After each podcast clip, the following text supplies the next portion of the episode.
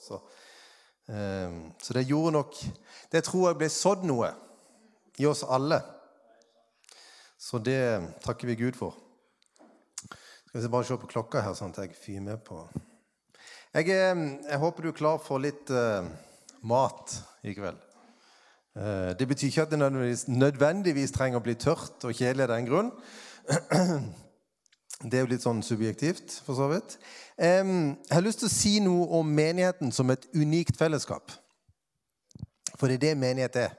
Det er mange typer fellesskap som du og meg gjerne er en del av. Uh, men menigheten er unikt. Det kan ikke sammenlignes med noe. Eh, og Det der kunne vi ha brukt mange dager på sikkert også, snakket om hva det innebærer. I kveld, hvis vi rekker, så skal vi se på tre ting ut fra Filipperbrevet. Eh, jeg sier 'hvis vi rekker'. eh, vi skal begynne å lese sammen fra kapittel 1 i Filipperbrevet. Og jeg, jeg liker Filipperbrevet. Eh, og det gjør kanskje du også, for det er jo bare fire kapitler i det. så det er jo liksom lett å komme gjennom det. Men det kalles ofte for gledens brev. Og Det er interessant med tanke på bakgrunnen som, som brevet når, når, Paulus skriver dette brevet, så sitter han fengsla. Eh, de lærde strides litt om uh, hvor han sitter, og litt sånn forskjellige ting, men det er ikke så viktig. Men situasjonen hans er jo ikke akkurat eh, sånn at han jubler. Eh, hadde iallfall ikke vært hvis jeg var i hans situasjon. Og Nå har jeg aldri vært i fengsel. Men jeg kan levende forestille meg eh, hvordan det må ha vært når man leser litt historie og skjønner forholdene som Paulus satt under. Så var det ganske kummerlig, og det skal vi se om vi kanskje kommer tilbake til. Men, han, men brevet kalles altså ofte for gledens brev. Og det han, det, han, det, det han, skriver til, er vennene sine. Han skriver til storfamilien sin, menighetsfamilien sin. Eh, eh han, underviser dem om hva det innebærer å være menighet. Og det er så mange, Når jeg leser dette brevet, og når jeg tenker over hva Guds ord sier gjennom dette brevet, her, så tenker jeg det er så mange paralleller til mitt liv, ditt liv, til den tida vi lever i i Norge i dag. Og Det er det som er så fascinerende med Guds ord. At Den hellige ånd kan ta ting som skrev for, for, for mange, mange, mange år siden, og så kan han overføre og si dette er en universell, universell sannhet som gjelder i ditt liv her og nå.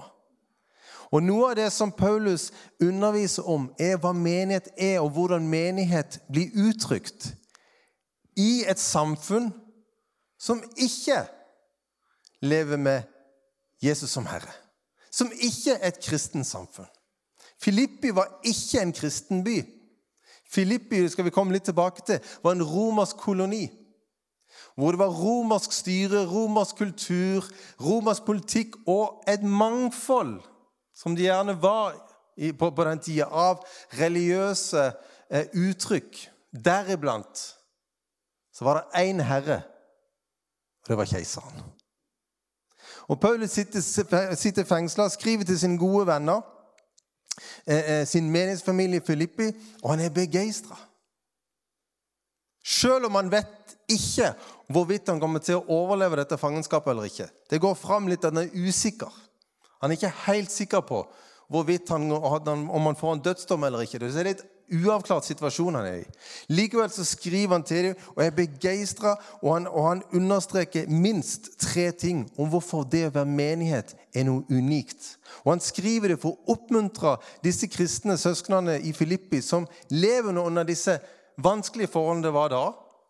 For, og, som var vanskelig i forhold til det å være en kristen i et sånt et samfunn som de levde i da. Eh, vi leser fra kapittel 1 og vers 3. Jeg takker alltid min Gud når jeg tenker på dere. Ikke rart han var glad. Midt under forholdet han satt i, så takker han Gud når han tenkte på dem. Og alltid, i alle mine bønner, ber jeg for dere alle med glede. For fra første dag og fram til nå har dere hatt del med meg i evangeliet. Jeg er trygg på at Han som begynte sin gode gjerning i dere, skal fullføre den helt til Jesu Kristi dag. Og med rette tenker jeg slik om dere alle, for jeg bærer i mitt hjerte, både når jeg er i lenker, og når jeg forsvarer og stadfester evangeliet, har dere alle fellesskap med meg i nåden. Her i vers 5 og så bruker han et ord som du kanskje har hørt før. Eh, han sier fra første dag og fram til nå har dere hatt del med meg i evangeliet. Det ordet der er det ordet koinonia. Du må ta litt sånn ta sats, og så må du si koinonia. Det var blant annet, jeg vet jeg at det var et sånn veldig kjent eh, band på jeg tror det var 80-tallet noe sånt, som heter koinonia. Det ordet der betyr rett og slett fellesskap. Og Det er det ordet som brukes gjentatte ganger gjennom Nytestamentet for å beskrive fellesskap. I vers 7 så skriver han eh, Han skriver dere har hatt fellesskap med meg i nåden. Det ordet betyr å være partner eller del av et fellesskap. Så Paulus han er, han er begeistra. Han sier det å være en kristen, det at vi er brødre og søstre, betyr at vi har et fellesskap, og vi er en del av et fellesskap. Vi har noe sammen som er unikt, som er annerledes, ja, som ikke er av denne verden, som ikke er kommet opp som er et opphav av menneskelige ideer eller menneskelige ideologier. Vi er sammen om noe som er unikt. Og hver gang jeg tenker på det når jeg er i denne forferdelige situasjonen som jeg er i nå, når jeg tenker på hva vi har sammen når jeg tenker på at vi er søsken, når jeg tenker på at vi er partnere, når jeg tenker på at vi står i pakt, ja, så blir jeg glad, sier Paulus. Når jeg tenkte på at jeg skulle til Bømlo i dag, så ble jeg glad. Når jeg ba for dere i dag, så kunne jeg se ansiktene. Ikke alltid jeg husker navnet, for jeg trenger mange runder for dere. Det er sånn, Hei, du er det ofte. Men jeg ser ansikter. Og så blir jeg glad. Håper hun kommer i kveld. Håper han kommer i kveld. Gud velsigne dem. Håper de får et ord fra deg i kveld. Herre. Så når Guds ord bruker koinonia, og, hvis du bruker en sånn gresk eh, ordbok, så vil du slå det ordet opp, eller bruker en studiebibel, en databibel, så vil du se at det ordet er brukt mange ganger gjennom Bibelen.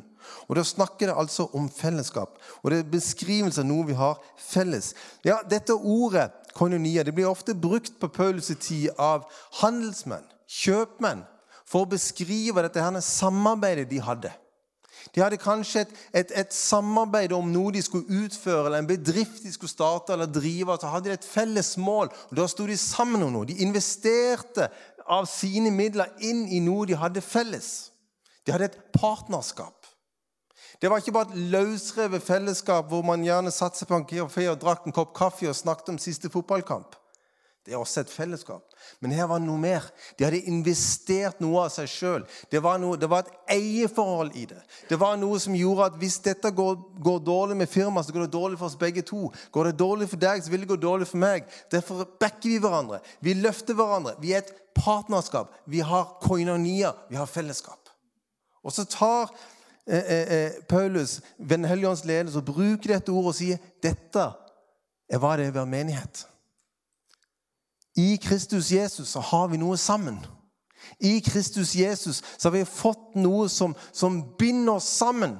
Uavhengig av bakgrunn, uavhengig av forskjellige personligheter. Uavhengig av forskjellige måter å gjøre ting på, måter å tenke ting på. Og alle forskjellighetene. Det blir liksom på en måte viska ut i det at vi har Kristus som forener oss på tvers av generasjoner, på tvers av språk. Tenk på det. Koinonia.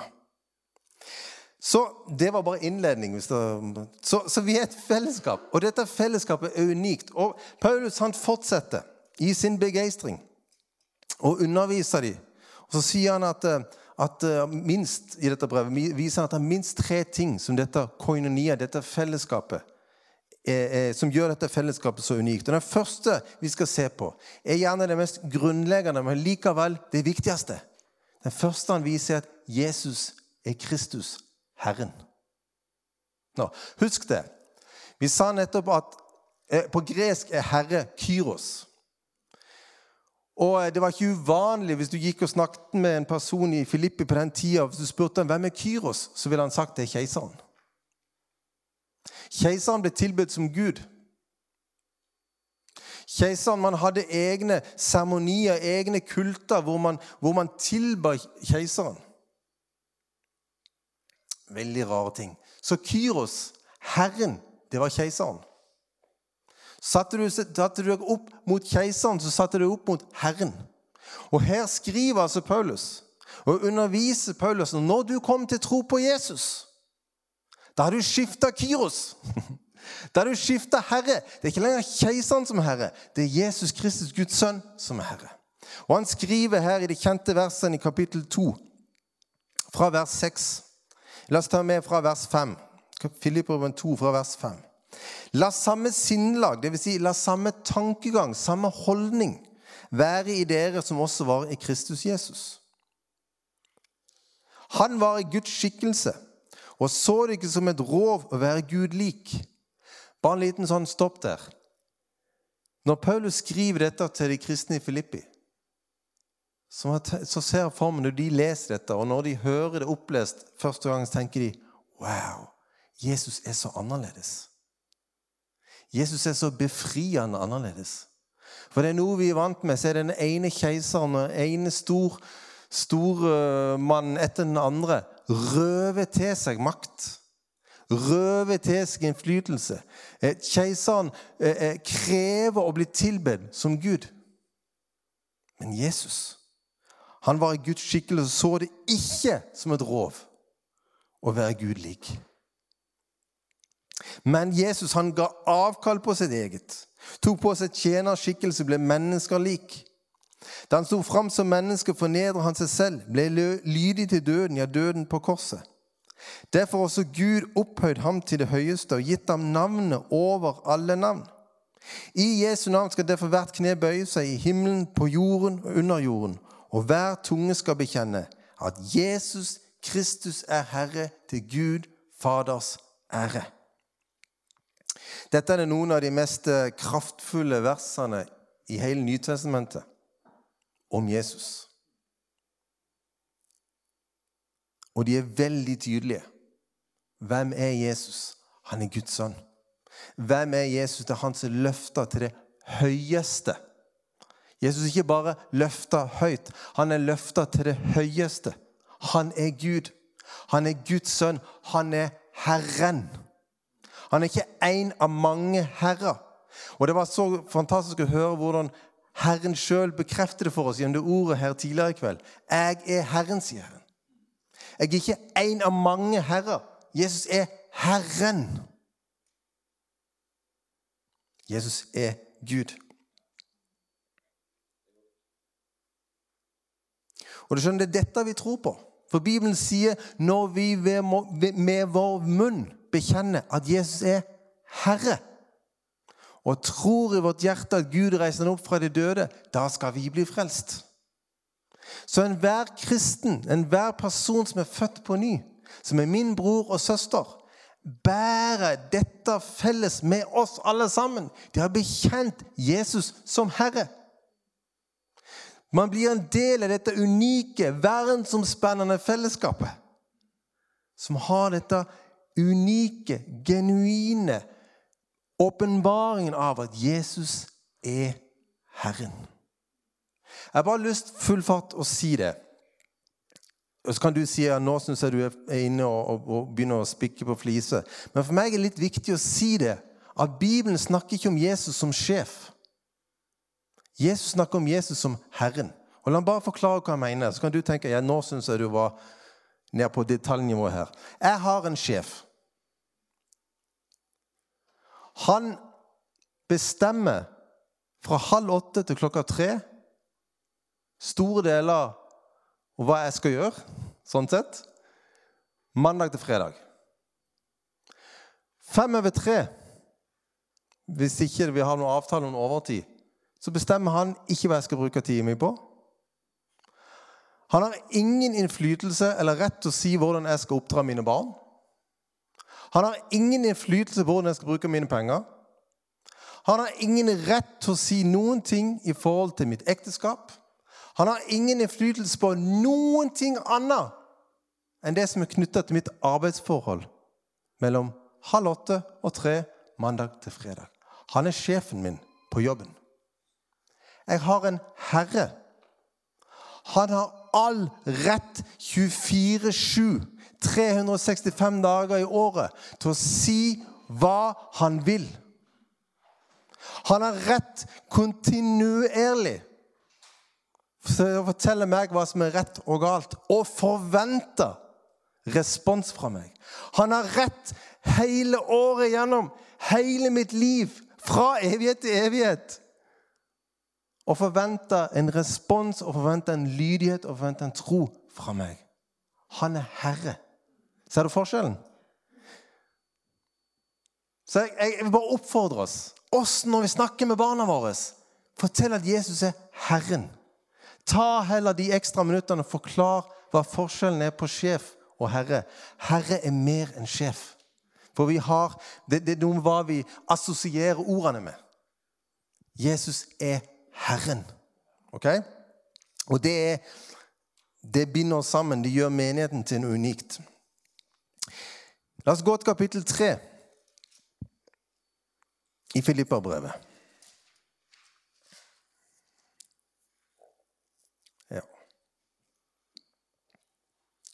Vi skal lese fra vers 17 der. Paulus han, han skriver Følg mitt eksempel, søsken, og se opp til dem som lever etter det forbildet dere har i oss. For som jeg ofte har sagt, og nå gjentar med tårer, mange lever som fiender av Kristi kors. Fortapelse er deres mål og magen deres Gud. Skam gjør de til ære, og de søker bare det jordiske.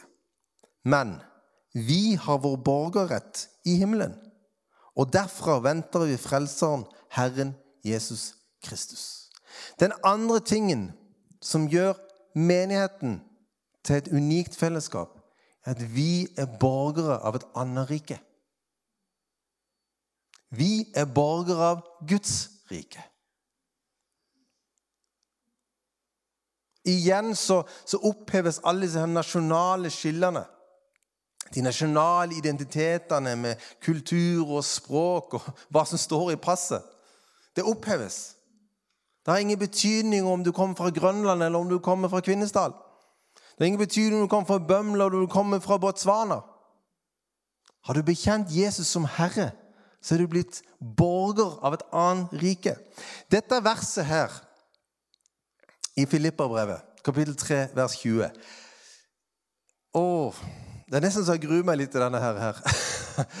Jeg tror det er et vers som Jeg har sikkert gjort det mange ganger sjøl òg, men som ofte blir misforstått, og nesten av og til blir litt misbrukt.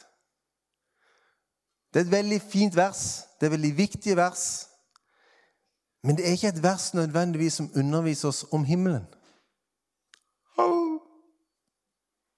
Nå, nå, falt det noen eh, tanker her og noen gode bilder og følelser alt mulig som gikk rett i bakken. Dette handler om livet her og nå. Jeg skal ikke undervise om, om himmelen i dag. Det, det, er viktig. Det er viktig å ha en bibelsk forståelse når Bibelen snakker om himmelen. Eh, men vi skal ikke gå så djupt inn i det. Men, men sammenhengen med alt det Paulus underviser om i dette brevet, handler må leve med Jesus som Herre, være en menighet her og nå. Og det er i den forbindelsen han sier. Det er en kilde til hvor vi kan hente kraft og styrke og visdom vi trenger for å leve med Jesus som Herre. Og det er at vi har vår borgerrett i noe annet enn det som er rundt oss. Vi trenger ikke å dra vår visdom ut fra verdens tankegods, verdens ideologier, verdens erfaringer og verdens måte å gjøre ting på. Nei, vi løfter blikket og sier vi har noe som er større enn det. Vi har en rettighet. Vi har rettigheter. For vi er en del av et annet rike med en annen måte å tenke på. Ja, faktisk med en annen måte å være menneske på. Det er det riket hvor Jesus er herre. Og det er min borgerrett å være en del av det riket. Det er min borgerrett til å sitte ved min Herres føtter og si 'Tal til meg'. Det er min borgerrett å si 'Far, hva er din gode vilje?' Det er min borger å si 'Far, jeg trenger kraft, jeg trenger din styrke, jeg trenger din nåde' for å kunne leve som en disippel i dag.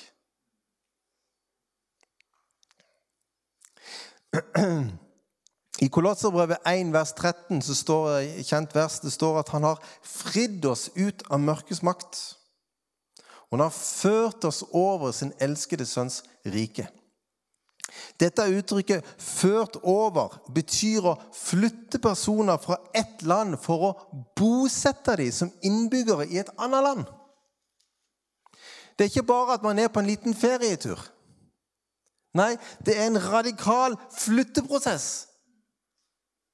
Og i vårt tilfelle så flytta vi uten noe som helst. Vi lot alt være igjen, og så bare ble vi flytta over et helt annet land med et helt nytt statsborgerskap. Bibelen sier vi er gått fra mørke til lys, fra Satans makt til Gud. Ved troen på Jesus Kristus og hva han tilveiebrakt for oss gjennom sin døde oppstandelse, så er vi blitt flytta fra ett rike hvor vi var i fangenskap. Hvor vi var samtlige av oss var slaver av synd. Vi levde i opprør mot Gud enten vi ville eller ikke, for vi var fanga. Vi var, vi var bundet. Jesus Kristus, og ved troen på han er vi satt i frihet, og han har ført oss over i et annet rike, som er hans rike, hvor han er herre. Et rike i frihet, et rike med glede, et rike med kjærlighet, et rike med håp. En total forvandling. Og det får praktiske konsekvenser i måten vi lever på. Fordi at når jeg da møter livets utfordringer, så møter de ikke som en som lever under fangenskap av synd. Når jeg blir behandla urettferdig, så er ikke min første respons å svare urettferdighet med urettferdighet. Nei, for Bibelen sier jeg ikke lenger en tjener av urettferdighet. Snart tvert imot. Nå lever jeg i Guds rike. Jeg, når jeg blir behandlet urettferdig, så vil Den hellige ånd tale til meg og si nå er du borger av Guds rike. Så la oss nå se på hvordan responderer vi som er borgere av Guds rike på når vi blir behandlet urettferdig. Wow! Og det som er så kult, er at det har ikke jeg svar på. Men fordi jeg har blitt en borger av Guds rike, så er det min borgerrettighet at talsmannen kommer og, ta, og, og Parakletos, som Jesus snakker om, talsmannen Hellig Ånd Parakletos betyr også en som blir tilkalt for å stå ved din side. Å, det elsker jeg! Så når jeg trenger det, og det er hver dag og jeg er eventuelt som en, som, som en borger i Guds rike skulle bli behandla urettferdig. Det har skjedd og kommer til å skje igjen. Det jeg gjør og kan gjøre, og det er min rett, og det er din rett, det å påkalle Han som er talsmann. Vil du komme og stå ved min side nå i denne situasjonen? Sånn at jeg kan, i denne situasjonen, hvor jeg føler meg urettferdig behandla, kan du stå ved min side og gi meg den visdom, ja, kanskje til og med fylle mitt hjerte med kjærlighet til den personen for eksempel, som har behandla meg urettferdig, så jeg vet åssen jeg skal respondere på en måte som viser deg. På en måte som viser deg tilhører nå et annet rike. Det er fantastisk. Se for deg hvordan det har vært å leve i Filippi. Filippi var en romersk koloni. Det betyr bl.a. det at når, når, når, en del eh, soldater som hadde vært med i både borgerkrig og hadde kjempa for Rom, så var de slitne og leie, og nå skulle de få lov å pensjonere seg. Så, så, var det sånn at Man ville ikke ha en gjeng med sure, grumpne eh, soldater til å, til å overfylle Rom. Altså Roma, som var hovedstaden og den store store byen. Nei, det man da gjorde, var at man ga dem belønning ved at de bl.a. fikk en del landområder rundt i dette imperiet som stadig vokste større og større. og større. Og Da lagde man, danna man egne sånne romerske kolonier. og Så bosatte man f.eks. Eh, sol, pensjonerte soldater rundt om i disse koloniene, som f.eks. Filippi, Korint osv. Og, og når man da bodde der, så var man like fullverdig innbygger av Roma som om man bodde i selve Roma sjøl. Man var en bærer av romersk kultur, språk, politikk, religion. Alle rettigheter hadde man som romersk innbygger, sjøl om man bodde i Filippi. Så tar Paulus dette bildet, og så sier han det er akkurat likt med dere. Dere bor nå i Filippi, dere bor nå på Bømlo. Dere bor på, på, på, på forskjellige plasser rundt om i Norge. Dere bor på Mostad, dere bor på Stord men du er en koloni av Guds rike. Faktisk er det en, en engelsk oversettelse som sier som uttrykker det sånn. Skal vi se om jeg finner den igjen her. We are a colony of heaven on earth. I Roman 3,20 vi leste at der, der var det Vi har vår borgerrett i himmelen. Mens en engelsk oversettelse we, we, we are a colony of heaven on earth. Vi er en himmelsk koloni. Det betyr ikke at alt i midten av ditt liv er sus og dus og helt fantastisk, og vi er helt perfekte. Det er ikke sånn det må forstås. Men sjøl i min eh, mange ganger eh, tilkortkommenhet så er det nettopp det, jeg, at det at jeg gjør feil Jeg mister besinnelsen, eller jeg tar feil beslutninger som får konsekvenser. Så er det nettopp det at vi ikke er fullkomne, så kan faktisk Guds rike bli synlig. Gud sa til Paulus at 'min nåde fullendes i din svakhet'. Og det er faktisk med å vise himmel på jord. At her er det en gjeng med kristne som nei, de takler ikke alle ting i livet. De møter de mange av de samme utfordringene som vi andre gjør. De er ikke, de er ikke skånt ifra sykdom. De er ikke skånt ifra at, at, at, at få økonomiske utfordringer. De er ikke skånt ifra at det kan være vanskelig å oppdra barn osv. osv. osv. Men se åssen de møter det. Det fascinerer meg. De har en annen måte å møte det på. Det er tøft for dem. De griner, de, og, og, ting er vanskelig. Men se likevel hvordan de møter det, og se hvordan de bryr seg om hverandre. Se hvor lite egoisme det er. Se hvor lite kulde og kaldhet det er. Det er en omsorg for hverandre. Se hvordan de kommer og bryr seg for hverandre. Det er folk på døra, og lager mat. Der kommer folk og gir dem penger. Hører vitnesbyrd om hvordan de bare stiller opp. Hva er det der? der? Guds rike er attraktivt. Det er ikke alltid så attraktivt når vi bare bruker ord. Forstår meg rett, vi skal forkynne evangeliet med ord. Men vi nå også vise Guds rike i praksis. Når vi er denne kolonien av hvem Guds rike er, og representerer hvem Jesus er, og vi lever i overgift først fra Han som Herre, og la det få et praktisk uttrykk i livet vårt.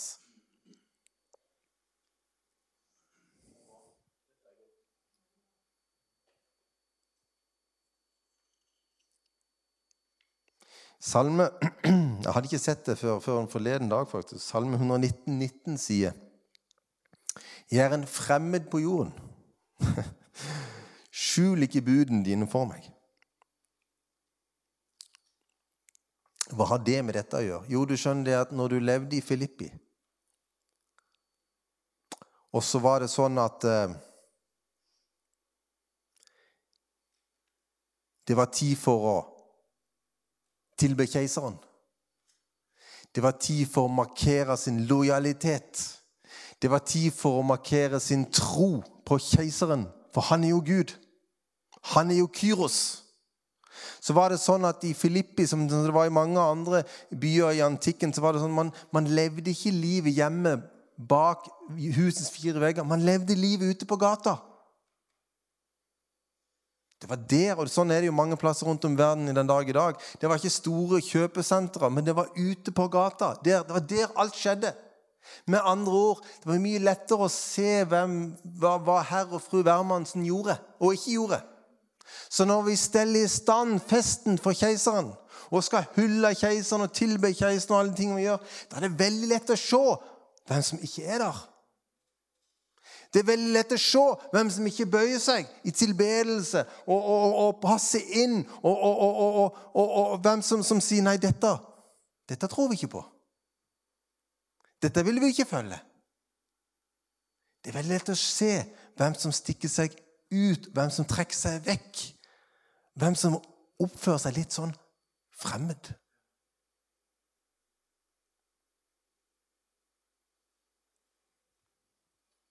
Paulus sier, og Bibelen sier, og oppfordrer Det var den der som liksom ikke skulle røre. Beklager det, altså.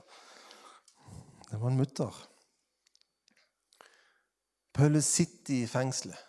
Og selv om han gleder seg, og som jeg sa, det, disse fire kapitlene er kalt for gledens brev, så er det likevel en sorg og, en, og en, som, som, det ofte var som en, som en, far, som Paulus var, en åndelig far, så, så, så, så var det en nød i hjertet hans. Må de få styrke, må de få kraft til å stå oppreist i den motstanden de vil møte. Fordi at når man velger å følge Jesus som Herre, da som nå, så blir en fremmed for verden rundt den. Og hva mener jeg med det? Jeg mener ikke at ja, da har du blankofullmakt. Kjør på. Oppfør deg sært, eksentrisk og rart. Det var ikke det jeg sa. Oppfør deg sånn at du alltid går og slår Bibelen i hodet på arbeidskollegaen din. Det er helt greit. Nei, det var ikke det jeg sa. Men når vi sier at vi tror at Bibelen er Guds ord når vi sier 'jeg tror Jesus er Herre', så får jo det praktiske konsekvenser for å ta noen valg som er annerledes enn kollegaen min. Som er annerledes enn naboen min. Som er annerledes enn de politikerne vi har. Og Her kunne vi begynt å ramse opp en mengde med forskjellige eksempler. Og Noen av de er lette å forholde seg til, andre ting er vanskeligere. For da vil man gjerne ha en forklaring på hvorfor tenker du sånn, hvorfor bruker du pengene dine sånn, hvorfor er ikke du med når vi gjør sånn og sånn og sånn. Og andre ganger så kjenner jeg faktisk jeg kjenner en samvittighet som sier at jeg må stå opp for dette. Jeg må si fra, for dette er ikke greit. Jeg, en, jeg følger Jesus som herre. Dette er urettferdighet. Jeg er en tjener for rettferdigheten. Da koster det noe. Salme 119 sier han fremmed jorden, skjul ikke budene dine for meg. Guds ord, som vi elsker, som ikke er fremmed for oss, kan være fremmed for en person som ikke kjenner Jesus. Jeg skjønner ikke hvor du har de tankene fra. Jeg skjønner ikke hvorfor du tar de valgene. Jeg skjønner ikke hvorfor du, du, er sammen med, med, folk og for å be til Gud og lese Bibelen istedenfor å være med oss ut på puben og liksom sitte der på kvelden. Eller, eller hvorfor bruker du pengene dine sånn? Eller hvorfor, hvorfor mener dere sånn? Jeg skjønner ikke det. For meg er ikke Guds ord fremmed. Men når jeg handler på Guds ord, så vil resten, mange andre rundt meg, opplever det som noe fremmed. Det å ha, følge Jesus som Herre koster noe. Peter også innber, jeg skal ikke gå inn på det, Du kan lese sjøl i første Peters brev. Han, der, der starter han brevet med å skrive 'til de som er fremmede'. skriver Han han, han snakker om det å, at, at, det å leve i, i etterfølgelse av Jesus, da er det akkurat dette. At da blir vi som fremmede. Fremmede i den forstand og det tenker jeg er positivt. Fremmed i den forstand at, at, mange av de tankegodset og ideologiene og måten å å leve på som samfunnet rundt oss har, det blir fremmed for oss i den forstand at den måten vil ikke jeg leve på lenger. Den måten å tenke på vil ikke jeg Sånn vil ikke jeg tenke. De tingene vil jeg ikke fylle meg med. Ja, jeg tror vi er med på, med på hva, hva som ligger i det. Og så tenker jeg det bare viktig for oss å forstå at det er ikke negativt å være fremmed for denne verden. Det er negativt som sagt, hvis vi oppfører oss tåpelig. Hvis vi går bevisst inn for å være rare. Det har ikke noe for seg. Vi skal være oss sjøl. Men det er ikke negativt å være, å være fremmede for tankesett, for ideologier, for måter å leve på. Fordi Jesus sier i Matteus 5, 16, slik skal dere la deres lys skinne for menneskene, så de kan se de gode gjerningene dere gjør, og prise deres Far i himmelen. Når vi har Jesus som Herre, når vi lever bevisst at vi er borgere av et annet rike, og lever ut ifra det, ja, så vil jo livet vårt tale. Da vil handlingene våre tale, eller mangel på handlinger vil også tale som kan være vel så sterkt noen gang hva vi ikke gjør. I Filipperbrevet 2 skal vi lese sammen der. Vers eh, 12. Og Det er så mange ting vi skulle sett på, men eh, sånn, sånn blir det. Vi får hoppe litt. Mine kjære, dere har jo alltid vært lydige mens jeg var hos dere. Så vær det enda mer når jeg er borte og arbeid på deres egen frelse med respekt og ærefrykt. For det er Gud som er virksom i dere, så dere både vil og gjør det som er til Guds gode vilje. Gjør alt uten murring og misnøye, så dere kan være uklanderlige og rene, Guds barn uten feil, midt i en vrang og villfaren slekt. Dere stråler blant dem som stjerner på nattehimmelen, når dere holder fast på livets ord. Og da skal jeg få den ros på Kristi dag at løpet mitt og strevet mitt ikke har vært forgjeves. Dette ordet som står i vers 12, arbeid, det står Arbeid på deres egen frelse med respekt og ærefrykt. Dette ordet betyr å utarbeide og sette ut i praksis. Og ordet var noe man, Det ordet der blir brukt for å beskrive hvordan en arbeider med å få sølv ut av ei grue. Og det Guds ord sier til oss her, er at, at det vi har lært, og det vi fortsetter å lære om hva det innebærer å følge Kristus og tenke som Kristus, det må vi sette ut i livet. Ordet må bli kjød. Det hjelper meg ingenting om jeg har en masse teoretisk bibelsk kunnskap. Det hjelper ikke dere heller noen ting om, dere, om jeg kommer sammen med dere og bare lemper ut en masse teologi. Hva skal du med det? Skrive ei bok? Ja, ja, fint, det. Men hvis det blir en åpenbaring, hvis det blir faktisk noe Ja, dette kan jeg leve på. Dette kan jeg handle på. Dette kan jeg sette ut i praksis. Da blir det liv som, som, som betyr noe for deg sjøl, og som betyr noe for andre. Her sier Guds ord at, at, vi skal kunne stråle blant våre medmennesker som stjerner på nattehimmelen. Og hvordan gjør vi det? Jo, når vi setter Guds ord ut i praksis. Når vi lever med Jesus som Herre, når vi handler ut ifra det at vi tilhører et annet rike, så leder det til et hellig liv. Og hellighet er attraktivt. Renhet er attraktivt. Godhet følger i kjølvannet av det. Kjærlighet følger i kjølvannet av det. Rettferdighet følger i kjølvannet av hellighet. Så Bibelen sier det er en annen annerledes og radikalt annerledes og ny måte å være menneske på. Det er når vi lever med Jesus som Herre. Er det lett? Noen ganger er det kjempevanskelig.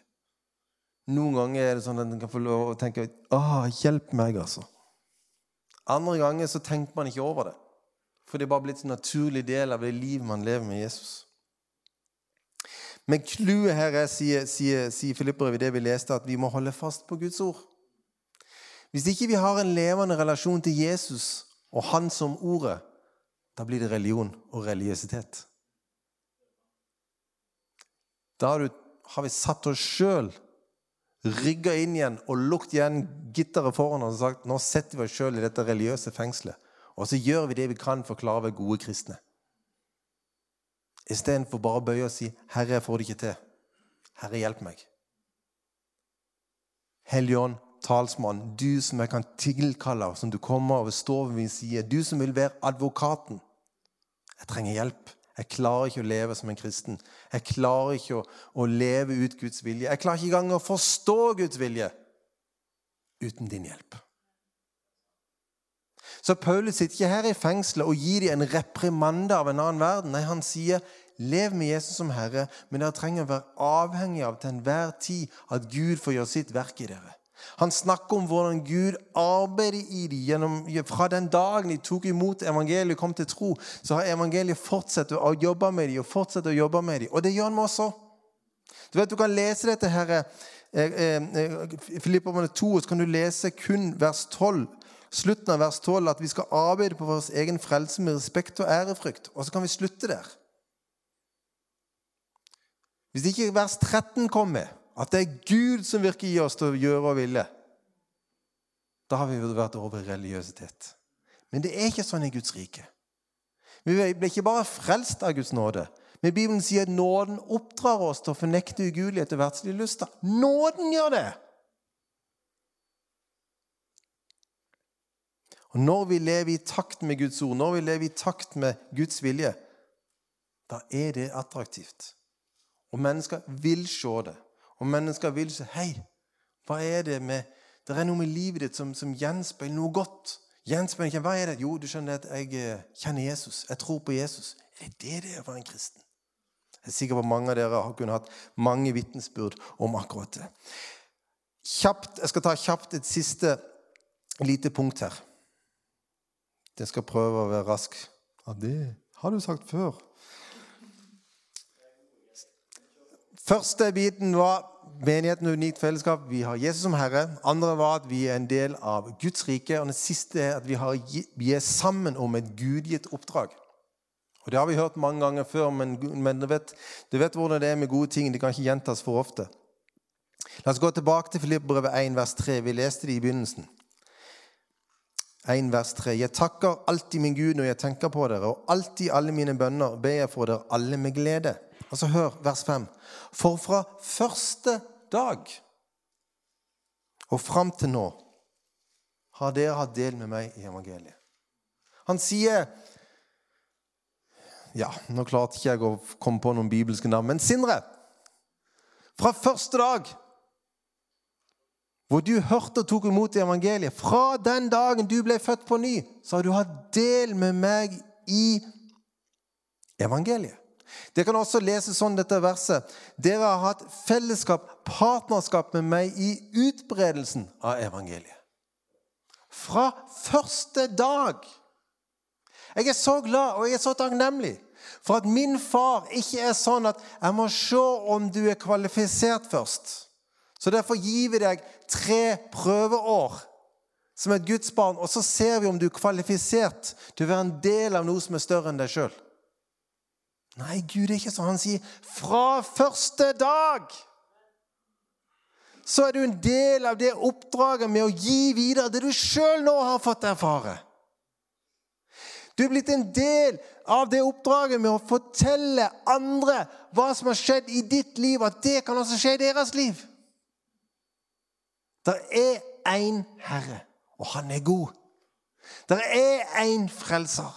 Han har gitt seg sjøl gjennom sin døde oppstandelse for at du skal få lov å oppleve å bli fri. Og du har del i dette oppdraget fra første dag. Det er ikke noe kvalifikasjonsgreie. Det var en, det var en, når jeg gikk på bibelskole, så var det en I Danmark så var det en, en mann fra Filippinene som sa det så bra. Han sa Gud kaller ikke de kvalifiserte, men han kvalifiserer de kalte. Den er fin. Gud kaller ikke de kvalifiserte, men han kvalifiserer de kalte. Alle her inne er vi innlemma i noe, et oppdrag, en visjon, om du vil. Bruk de ordene du vil, som er uendelig mye større enn oss sjøl. Som ikke kan, Alle visjoner og drømmer og spennende ting som, som, som, skjer rundt omkring på kloden i dag Ingenting er mektigere, ingenting er større enn det oppdraget Gud i sin nåde har innlemmet alle oss i. Se Hans rike gå fram. Se mennesker få lov å gripe evangeliet, bli frelst og født på ny. Det er stort fra første dag av. Så hvordan gjør vi dette? Jo, jeg sa at Paulus han skrev til vennene sine. Han skrev til de som var hans partnere. Og det tenker jeg er et litt sånn belasta ord. er blitt, For det hadde mista litt sin betydning. Når Paulus kaller de for venner, når Paulus skriver til sine partnere, så skriver ikke han bare til noen som gang iblant eh, la, eller, som, som, la inn en sånn fast eh, trekk på kontoen sin på et par hundrelapper i gang i måneden, og så tenkte ikke noe mer på det. Og det er fint. Gjør det. Jeg gjør det. Ellers gjør det. Men Paulus snakker om noen som virkelig sto med han. Som hadde hatt en åpenbaring av at det at Paulus reiste land og strand rundt og forkynner evangeliet, det er vi en aktiv del av. På vår måte. Fordi at vi forstår at i Guds menighet, på Kristi kropp, så er vi forskjellige. Og vi har ett felles kall, men med forskjellige gaver og forskjellige utrustninger. Hvis alle var Paulus og skrekk og gru Hvis alle var meg og hjelpe meg, altså Men fordi at vi er et mangfold, ett oppdrag, men ett mangfold, ett oppdrag, én kropp Så er vi alle så utrolig viktige. Noen har en nåde i å forkynne Guds ord. Noen har en nåde i å spille gitar. Noen er fremragende til å administrere og planlegge. Noen baker kake så det er helt fantastisk. Vi er så utrolig stort mangfold. Og alle Fikk dere med at jeg sa alle er viktige? Jeg er så takknemlig. Du finner ikke en plass i Guds ord, en rangering ja, men du snakker om apostler og profeter. Det er ikke en rangering. Det er bare det at Gud har i sin visdom sagt vi trenger For at jeg skal kunne blomstre, og du skal kunne blomstre i det Gud har lagt i den, så trenger vi andre gaver. Vi trenger andre personer som er med å foredle det Gud har gitt oss. Men det er ikke en rangering at noen er viktigere enn andre. Det er bare at det er en ordning i Guds menighet som må være på plass for at vi alle skal komme ut og kunne leve i den gave og den tjeneste Gud har gitt oss. For at vi skal kunne blomstre og vi skal kunne utfordre oss og vi skal kjenne yes, vi er en aktiv del av det Gud har kalt oss til, alle sammen. Rett før jeg blir begeistra her. Ja. Og det gjaldt fra første dag. Første dag. Ikke dagen etter du har gått på bibelskole.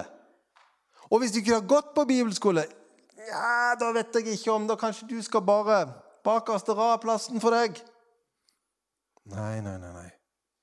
Fra første dag må du aldri diskvalifisere deg sjøl for å tjene Gud. Må du aldri diskvalifisere deg sjøl for å tjene Gud må du aldri tillate tanker oss komme inn som sier at du ikke er åndelig nok. Hva er det for noe tull? Jeg er overbevist om at noe motstanderen vil, og djevelen vil, så, så er det å få oss til å tenke disse tankene.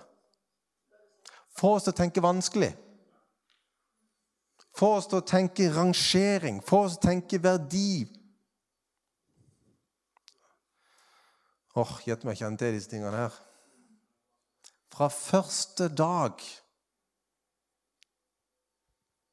da du ble en del av dette unike fellesskapet, der Jesus er Kristus Herren, der du og meg ved troen på Han fikk lov å bli en del av Guds rike. Og vi fikk lov å si vi er sammen om noe som er uendelig mye større enn oss sjøl. Vi lever for noe som er uendelig mye større enn oss sjøl. Og jeg, vi lever for noe som ikke engang handler om oss sjøl. Yes! Som handler om Han. Han og bare Han. Herre, vi takker deg for du er så god, Herre. Vi takker deg for det liv du har gitt oss, Herre. Det er virkelig som et liv med, med, med overflod, Herre. Et spennende liv, Herre. Vi er så takknemlige, Jesus, for at du er Herre. Vi er så takknemlige for at vi ikke har mange herrer å forholde oss til, men én Herre. Du som er den levende Gud. Du som er den som døde, men sto opp. Du som er den som sendte din ånd. Du som er den som en dag skal komme igjen og gjøre alle ting nytt. Du er vår Herre.